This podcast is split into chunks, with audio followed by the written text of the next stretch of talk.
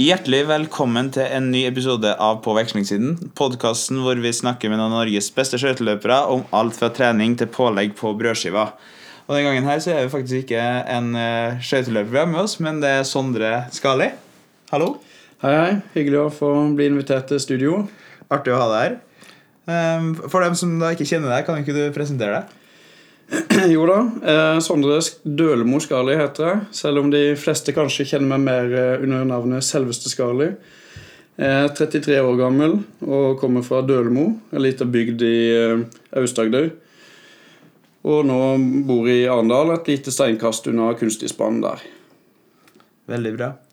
Eh, og du har jo altså det er jo en grunn til at uh, jeg ønsker å ha deg her. Eller vi ønsker å ha deg her på podkasten. Det er jo fordi du har uh, vært uh, hovedlandslagstrener på skøyter. Hvor mange år var det du Jeg var det i fire år. Jeg tok over etter Jarle etter Sotsji. Og så var det til etter OL i Pyeongchang. Men jeg var jo trener i forbundet fra allerede 2009. Så begynte jeg å være med på oppdrag, og så fikk jeg vel kontrakt i 2010. Var først trener for assistent for junior, og så mer med juniorene, og så litt med U23, og så litt assistenttrener for senior. Og det fire siste år da som landslagssjef. Så jeg gikk på en måte trappa og var innom forskjellige roller, da. Mm. Men du var jo også utøver sjøl, som uh... Ja da, jeg har uh, gått på skøyter sjøl. nådde nok aldri de resultatene som jeg ønska sjøl. Eh, det er det nok sikkert mange grunner til, men eh, samtidig så gjorde nok det med å på en måte til en kanskje litt bedre trener. For da blir du en nysgjerrig trener. Du blir ikke skråsikker på at det her fungerer, det fungerer ikke. Du blir i søken etter ny kunnskap hele tida. Ja, jeg slutta vel da når jeg var 20 eller noe, pga. en skade i leggen. Eh, jeg ville jo gjerne gått mye lenger enn det, men da da ville ikke kroppen mer, og det er en skade som jeg ikke er kvitt en dag i dag. Sånn at eh, det var veldig bra at eh, eh, jeg ble trener. Jeg ønsket jo fortsatt å være en del av skøytemiljøet. Jeg var ikke ferdig med skøyter. Sånn at da var jeg veldig tidlig klar på at jeg hadde lyst til å bli trener. Og om jeg ikke oppnår mine egne målsetninger, så kanskje hjelpe andre til å nå sine. Det har jo vært en reise som Sånn sett var det kanskje bare bra at jeg fikk en skade. sånn sett. Mm. Du er litt, jeg syns du er litt beskjeden, for jeg har jo tidligere sett på hva du gjorde som utøver, og det er jo mange som ville vært misunnelige på også de merittene du fikk med deg før du avslutta. Uh, tja uh, Ja, det er jo hyggelig å gjøre det. Uh, jeg har alltid vært en person som stiller mye krav til seg sjøl. Jeg hadde jo høye ambisjoner som utøver som ikke var i nærheten av å, å lykkes med. Så det er klart, jeg ser jo ikke tilbake på det som, som noe som klarte å fullføre det prosjektet, på en måte. Men eh, den kom på en måte fra Dølmo, og der var det naturis. Så vi, vi gikk på isen på vannet på høsten før eh, når det ble frost. Og da, det er ikke noen 400-metersbane der. Da må det bare komme deg ut på vannet. og og så fikk vi is når kulda slo inn, men, men, det var veldig væravhengig og varierende. Så det var ofte lite tilgang på is, og, og ja, det blir kanskje ikke det letteste stedet i forhold til å, å ha tilgang på gode og stabile forhold hele tida. Men eh, det var jo et sted med veldig god treningskultur og mange som eh, ikke sant, Vi bor jo nærme Arendal og hadde jo Øystein og Bjelkvik-søstrene og Tarjei og veldig mange som satsa der og var på godt humør. Nei, godt humør, sier jeg. På god satsing. Og det ble eh, det, det ble liksom god treningsmoral, og en, en, lærte mye, da. Og det tror jeg nok betydde veldig mye for, for at jeg fortsatte, sjøl om eh, Ja, sjøl om eh, det var hadde vært greit å ha kunstis. Nå kom det jo kunstis i Arendal eh, rett før jeg slutta, da. Mm. Hva, hva, vil du si at er Altså for en um, uh, utøver da som uh, ser på det å bli trener som en mulighet hva, hva, er fordelene med å ha vært utøver sjøl, tenker du? En av fordelene er nok at du øh, kjenner teknisk kanskje hva, hva, du må tenke, og øh, at du er vant til å få tilbakemeldinger fra en trener. Vet hva slags tilbakemeldinger som fungerer og ikke fungerer. og I tillegg hva slags treneratferd som du syns er ok og ikke ok.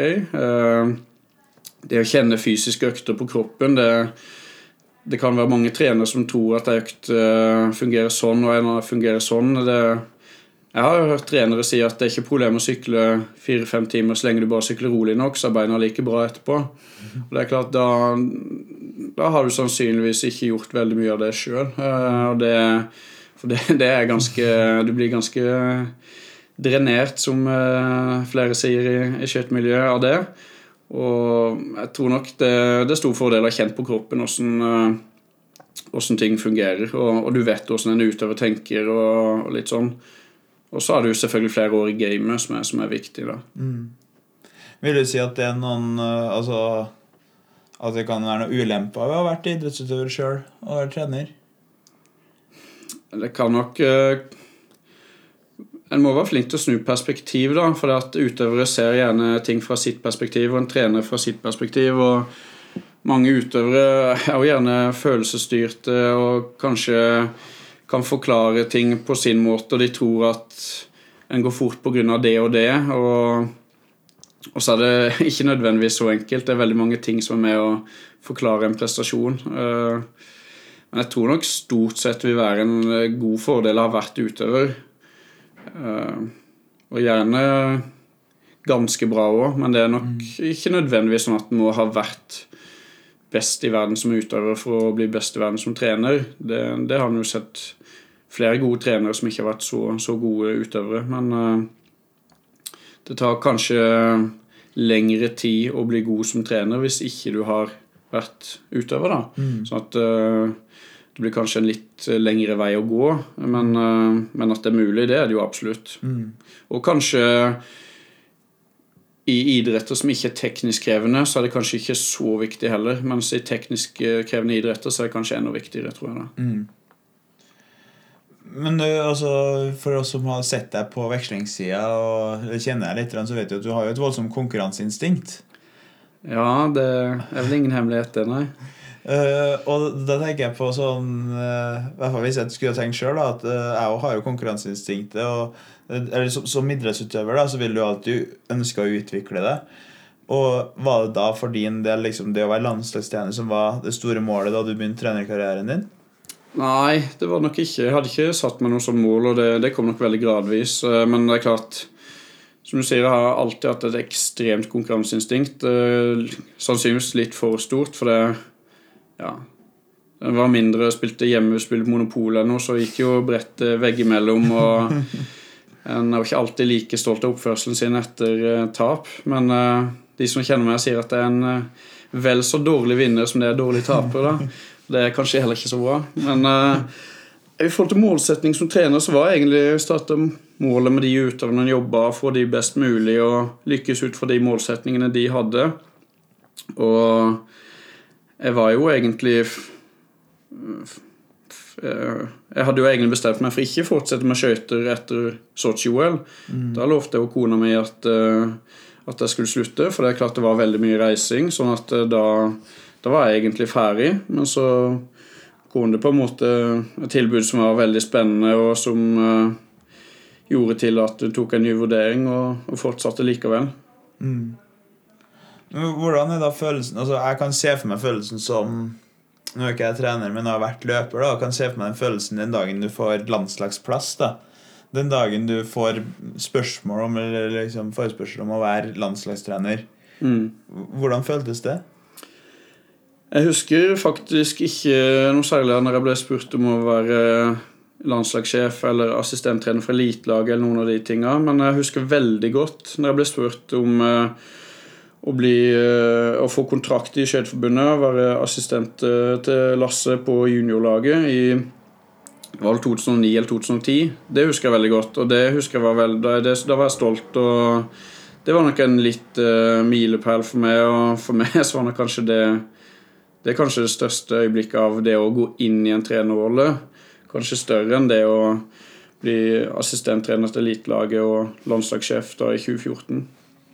Mm. Så, men så kommer du inn på laget, da, og jeg husker det var Var det i media det sto det her med liksom den eh, hvor liten aldersforskjellen var på f.eks. deg og Håvard, Mm. eh, som var eldstemann på laget. da.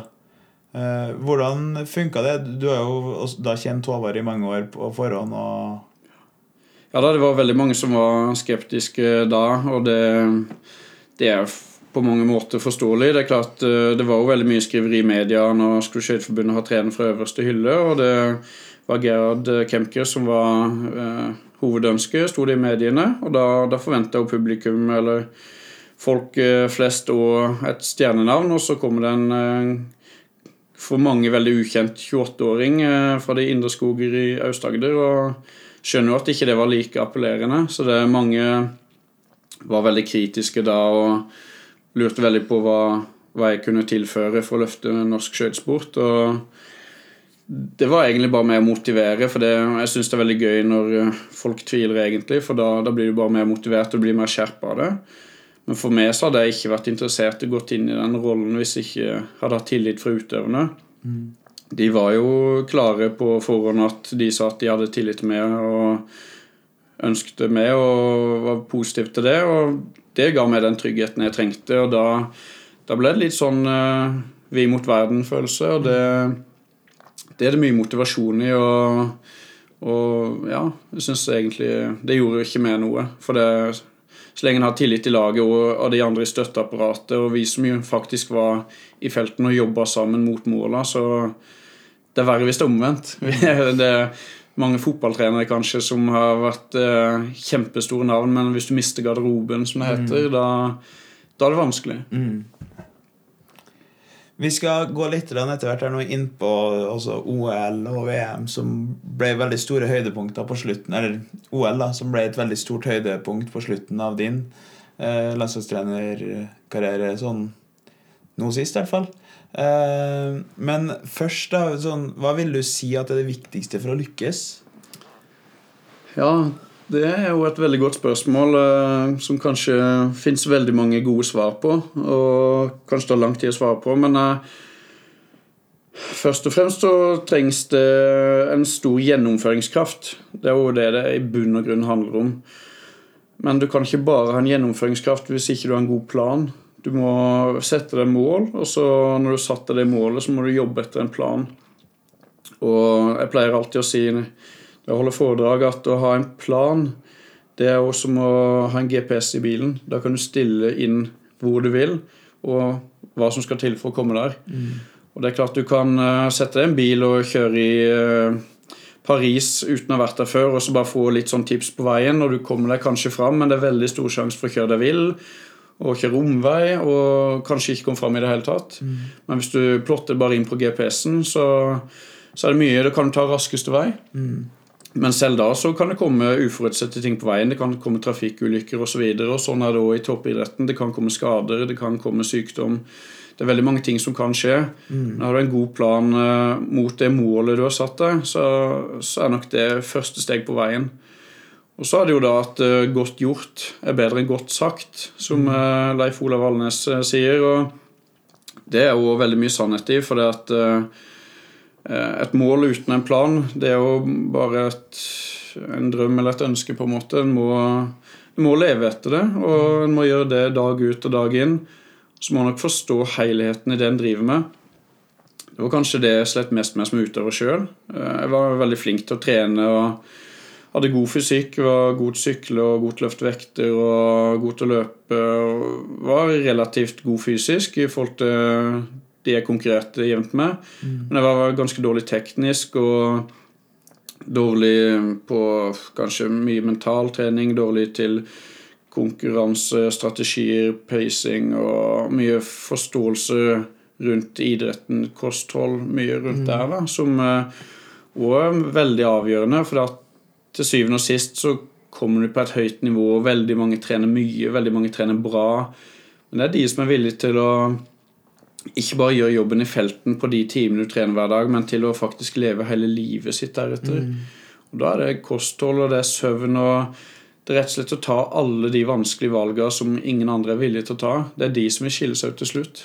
For det, det er det som ofte er vanskeligst, det er å trene tre, fire, fem timer til dagen. Det, det er klart det er vanskelig, det òg, men det er det å gjøre møte opp til hver økt med mål for hver økt og ha utstyr i orden, ha spist rett på forhånd, ha spise rett i ettertid, legge seg tidlig nok på kvelden og ta alle de gode valgene. Samtidig så må det jo ikke gå for langt heller. Det er noen utøvere som bare glemmer det å ha det gøy med det og kun blir sånn der kjempealvorlig og En gjør jo det her for gøy. Og en, eh, jeg tror det er my mye større sjanse for å lykkes med litt dårligere opplegg og ha tro på det og ha det gøy på veien enn å ha et kjempegodt opplegg og ikke ha tro på det og så ikke kose seg på veien. Da, da, da blir det vanskelig. Jeg, jeg syns jo egentlig at du Nå har jeg- jeg fått vært tett på laget, og det du beskriver, er jo egentlig Sverre. Ja, han eh, Sverre er på mange måter et prakteksemplar. Han, eh, han er på mange måter en, eh, en trenerstrøm og har uh, veldig flink til å ta de gode valgene.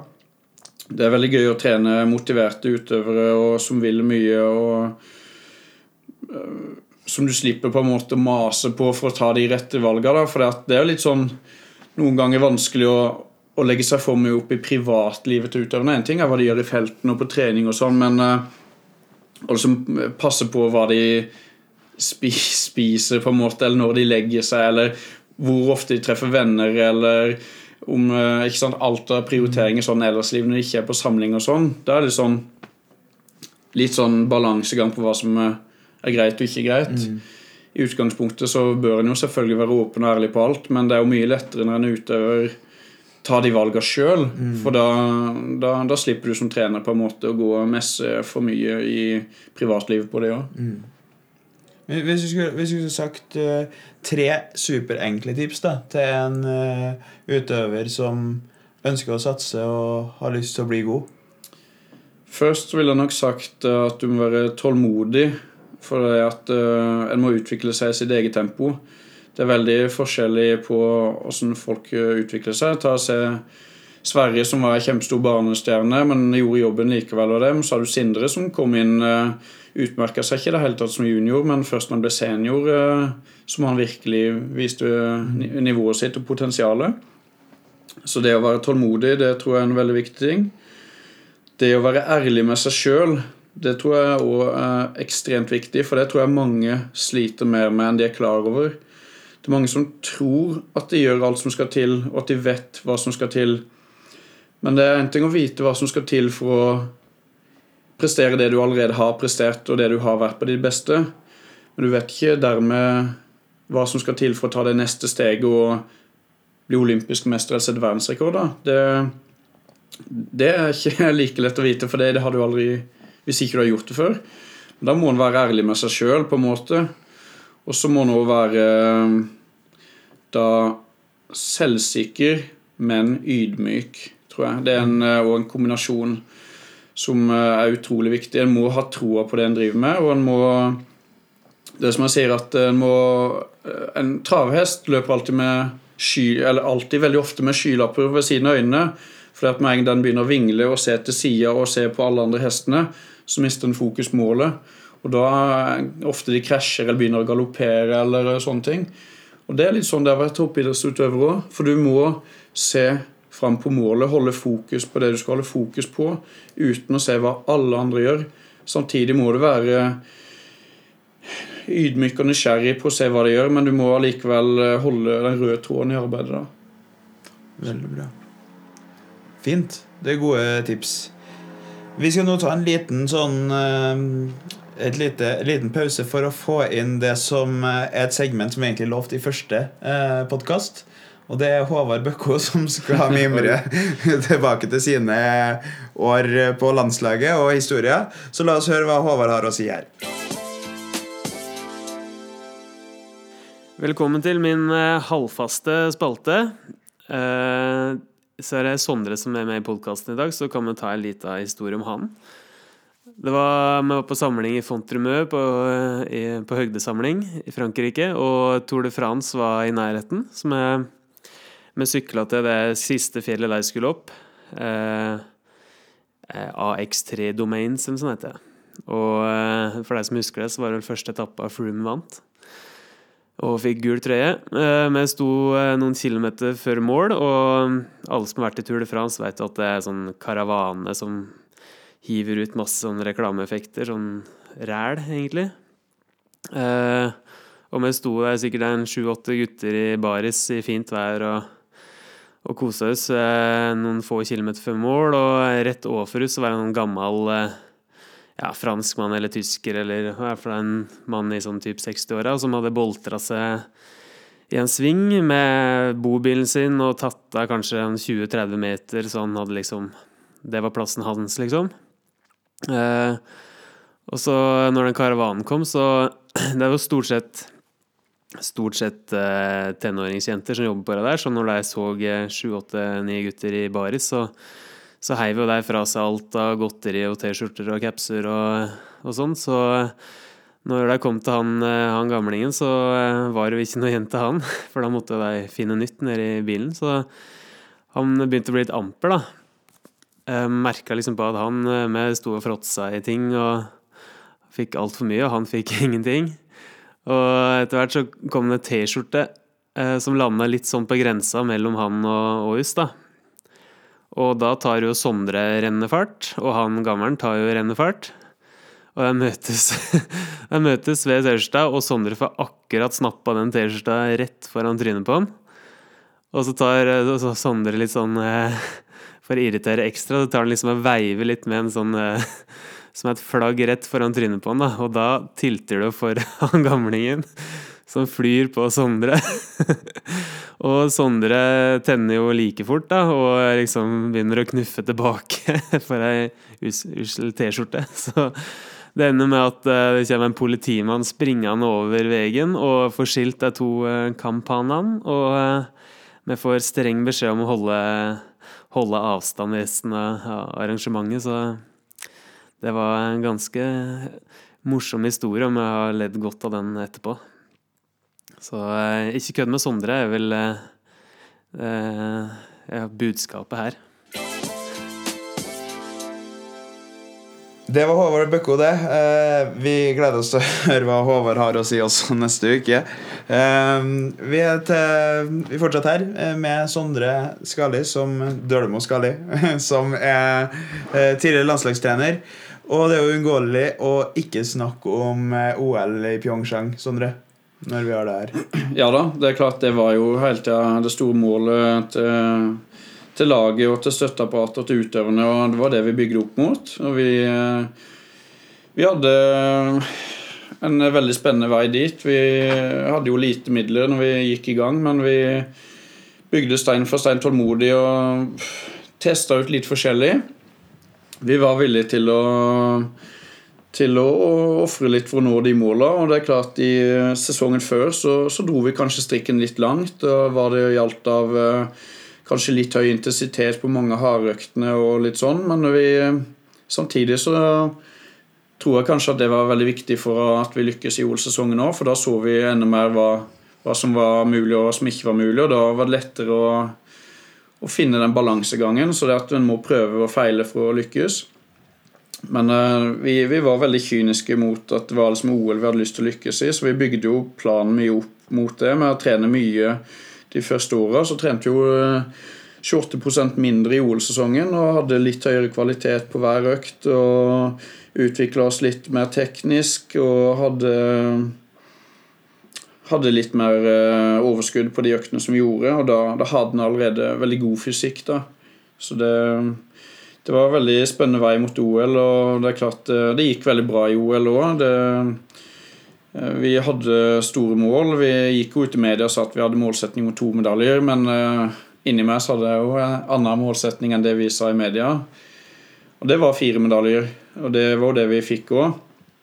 Men så er det jo det med vi fikk to gull òg, av de fire medaljene. Og jeg vil jo kanskje heller si det at to gull er jo kanskje verdt mer enn uh, mange andre Eller jeg ville heller hatt fire medaljer som var to gullmedaljer enn seks-sju medaljer, hvorav ingen gullmedaljer. da. For, for, da reiser dere jo hjem med to gull, uh, ett sølv og en bronse. Um, og det er kanskje mest naturlig å dra frem lag, det lagtempogullet. Eh, her nå, jeg tenker på det, der, Når du står på vekslingssida, jeg husker på jeg så det, den jubelen og et lag sammen da, eh, som vinner OL-gull. Hvordan, hvordan er det? Altså den følelsen?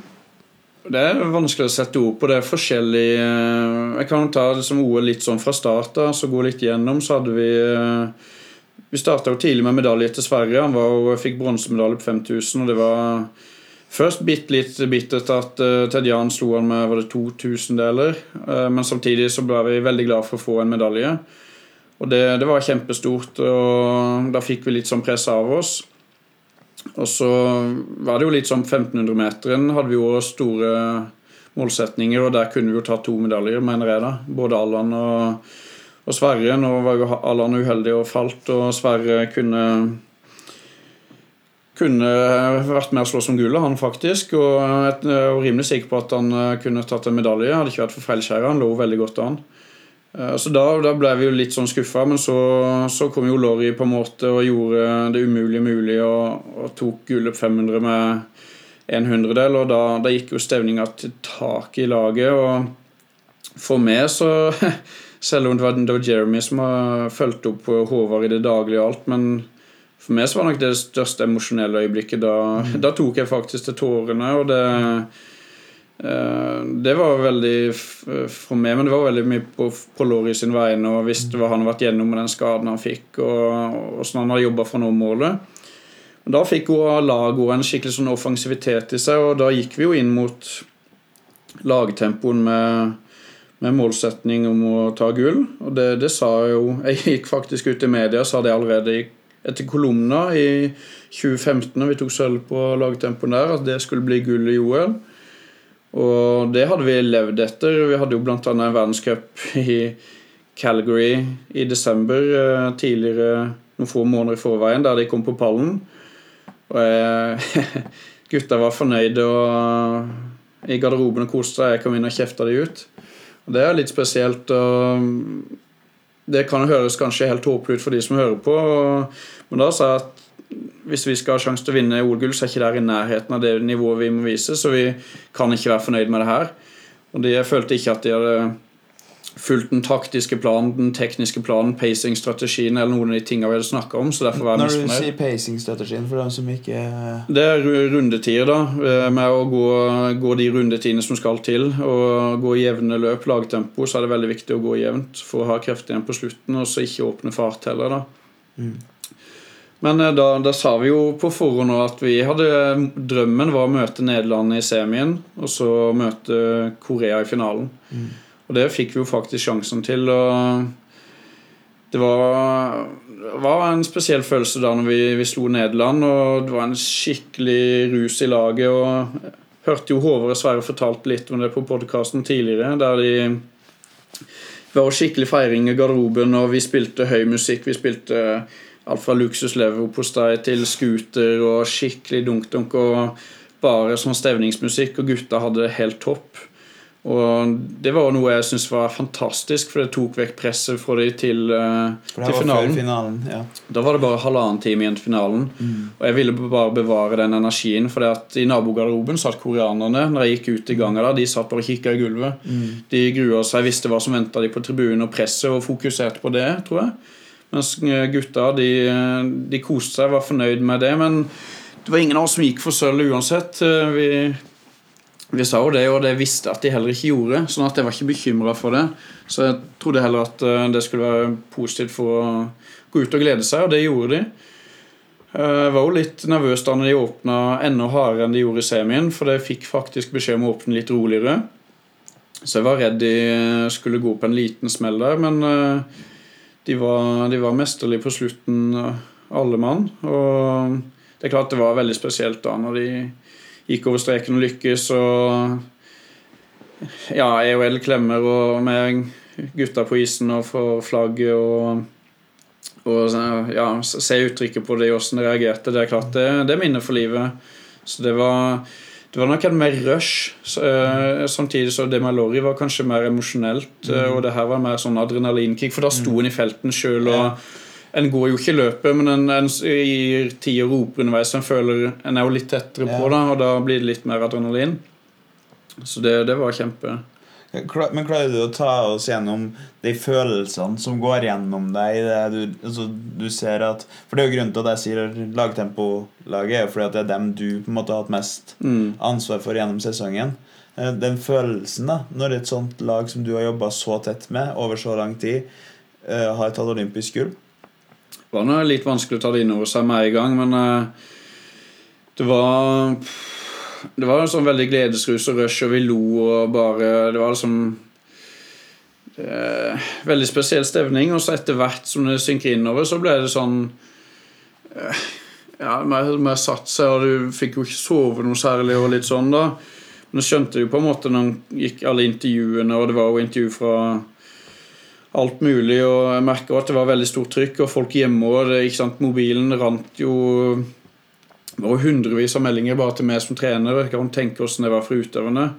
Så det er klart det, det ble et skikkelig trykk da. En skjønte jo det at det her var noe eh, veldig mange, sikkert flere millioner i Norge, fulgte med på og syntes var gøy. Så det, det, var, det var utrolig spesielt. Og noe som eh, Det er noe med å lykkes med et lag, på en måte. For det, vi hadde jo aldri tatt medalje i OL før med lagtempolaget. Og, og vi jeg hadde, Der var liksom Det var gull som gjaldt der i, i mitt hode. Det, det kan høres litt Jeg hadde nok i ettertid vært fornøyd med sølv og bronse òg, men hadde, vi hadde ekstremt lyst på gull. Og da blir det veldig gøy når, når en får det til.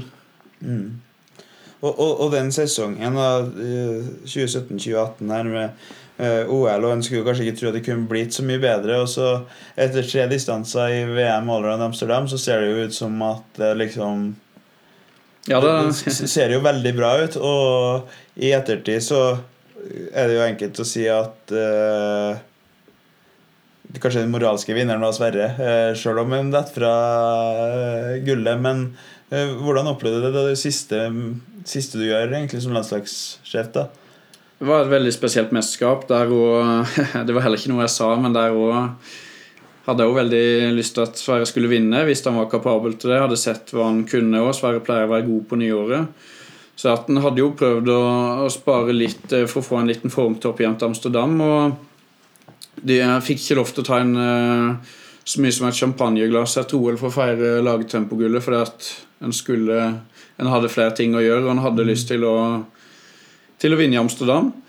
Det var jo et veldig spesielt stevne med 28 000 tilskuere på, på banen der. og Utendørs? faktisk. utendørs uh, i, i Amsterdam, på gamle Olympiastadion. Så det, det starta med en litt sånn dårlig Eller middelmådig 500 for Sverre. Han gikk uh, mot slutten, og da var det veldig mye dårligere is enn det var i starten.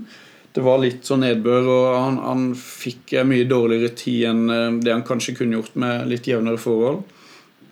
Og da, da trodde jeg at han var ute av gullkampen nesten, men uh, jeg sa jo ikke noe om det. det vi, vi snakker jo ikke mye om uh, medaljer og sånn underveis i sånn mesterskap. Da har vi fokus på arbeidsoppgaver. Men en tenker jo sitt inne i, i trenerhodet, da.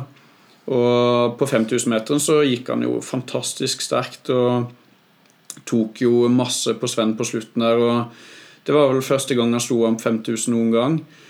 Og da, da ja, Håvard lagde jo en video som han la ut på Instagram med meg. og Der feira veldig, og det satt en stor gjeng fra Dølemo og familie og venner og Norway Sportive. Det satt for flere hundre i samme svingen der. og jeg gira det opp med noe voldsomt. og Det, det, var, det var moro. Og Da skjønte jeg at det var mulig å, å ta gull. Og så dagen etterpå så, så er jo Sverre en 1500 meter som eh, var helt ubeskrivelig. Han er god siste par med Patrick Rost, og slår han vel med ja, Hvis jeg ikke husker feil, rundt halvannet sekund eller noe i, i parløp. Det var ikke langt unna, i hvert fall. Så han knuste den siste runden han gjorde der, var bare helt fenomenal på de forholdene. Det var myk is, og det var varmt ute. og det var, det var det beste løpet han har gjort i sin karriere fram til det punktet, mener jeg. Eh, ja, uten tvil. Han gikk kjempegodt på skøyter. Og hadde jo veldig mye å gå på i forsprang til tieren. Så da, da gjaldt det på en måte å gå et bra løp der og ikke være for offensiv, men heller ikke passiv, for den må, en kan ikke gå og vente, være statisk. Det må, en må gå greit, og det gjorde Sverre. Han eh, lå jo langt foran. Han, han økte jo bare ledelsen sin med mer og mer og mer. og mer. Så skjedde jo selvfølgelig da, som alle vet, det eneste som kunne frarøve han seieren. Og var uheldig. Lite feilskjær.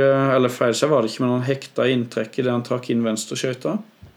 Og da var det jo rett ned i vantet. Og som han sa sjøl, at det var føltes nesten som å bli skutt ned. Han skjønte ikke helt hva som skjedde, men uh, slet litt med å komme seg opp uh, på beina med en gang, for det ble litt forfjamsa og slo seg litt over i fallet. Og da husker jeg at jeg bare lyst til å løpe hit og bare dra han opp, for jeg følte ikke han gikk så fort nok.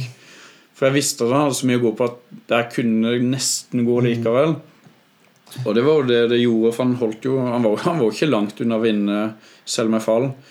Men han, han imponerte meg egentlig enda mer på 10 000 meter enn 1500. For det er måten å reise seg der og ikke gi opp og kjempe videre. Og så Sven gikk jo forbi han når han falt, og så Sverre opp igjen på beina og tar igjen Sven Kramer i parløp på 10 000 meter i VM i Amsterdam. Mm. Og slår han eh, både på 10 000 og i sammendraget med fall.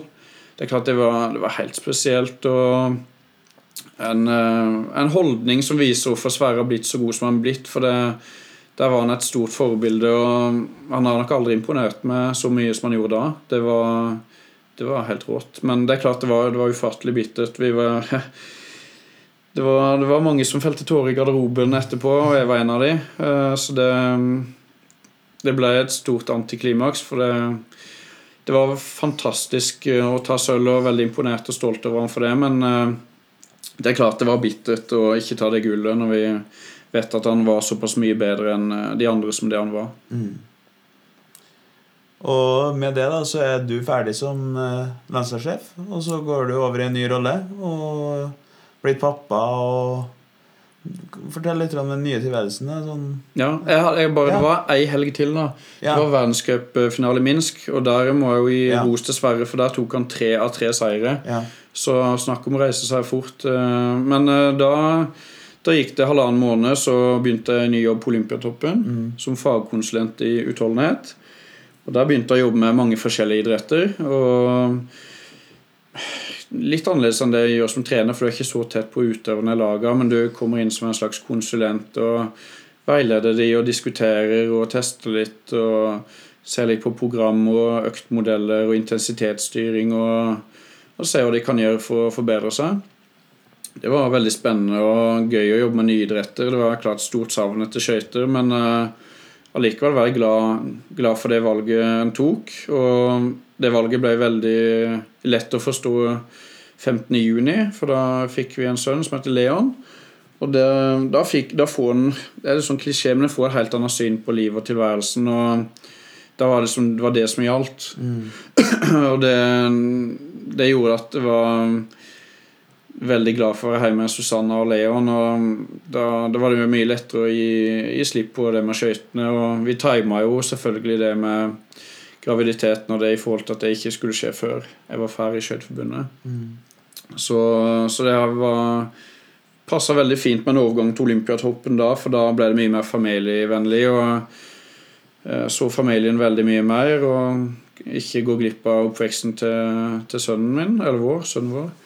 Eh, så da var det gøy å kunne dra inn til Oslo og se litt forskjellige landslag og jobbe med de og jobbe med fantastiske kollegaer. og jeg må si Det, det er en jobb til en, en glede seg til å komme på jobb der, for det, det er et veldig godt uh, miljø både faglig og sosialt. Mm.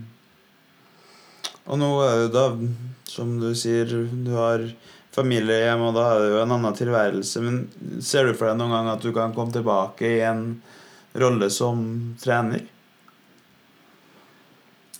Jeg skal nok aldri si aldri, men uh, det er ikke noe jeg bruker noe særlig energi på nå. Per nå så trives jeg veldig godt uh, i Olympiatoppen og føler jeg utvikler meg veldig som trener der. For jeg lærer mye mer for forskning og får lest meg godt opp på faglitteratur og, og få et bedre helhetsbilde. Så jeg tror nok jeg ville vært en veldig mye bedre trener om jeg kom tilbake nå. Uh, med mer erfaring. Det kan jo være etter hvert, men eh, det måtte nok blitt eh, en god del år til, eh, tror jeg. Ja. Det Jeg savner jo skøyter, men, men per nå så er ikke det noe jeg tenker veldig mye på. Jeg har blitt så heldig at jeg får jobbe litt med skøyter gjennom Olympiatoppen som fagkonsulent. og nå er vi jo på samling Insel, og jeg kjente det var jo veldig gøy å være med her og treffe laget igjen og se hvordan de jobber og se gode resultater og følge de på løp og være med og bidra litt med litt sånn sparing med Bjarne og Edel og trives veldig godt i den rollen der. Ja, for det er jo som du sier, vi er jo Insel, og i dag så har jo eh, Både i går og i dag så har det i hvert fall distanselaget her gått eh, sine første løp. Eh, hvis du skulle ha gitt en liten sånn uh, ekspertanalyse da, for sesongen som kommer, etter det du har sett de siste dagene Jo, jeg syns jo det var veldig mye bra.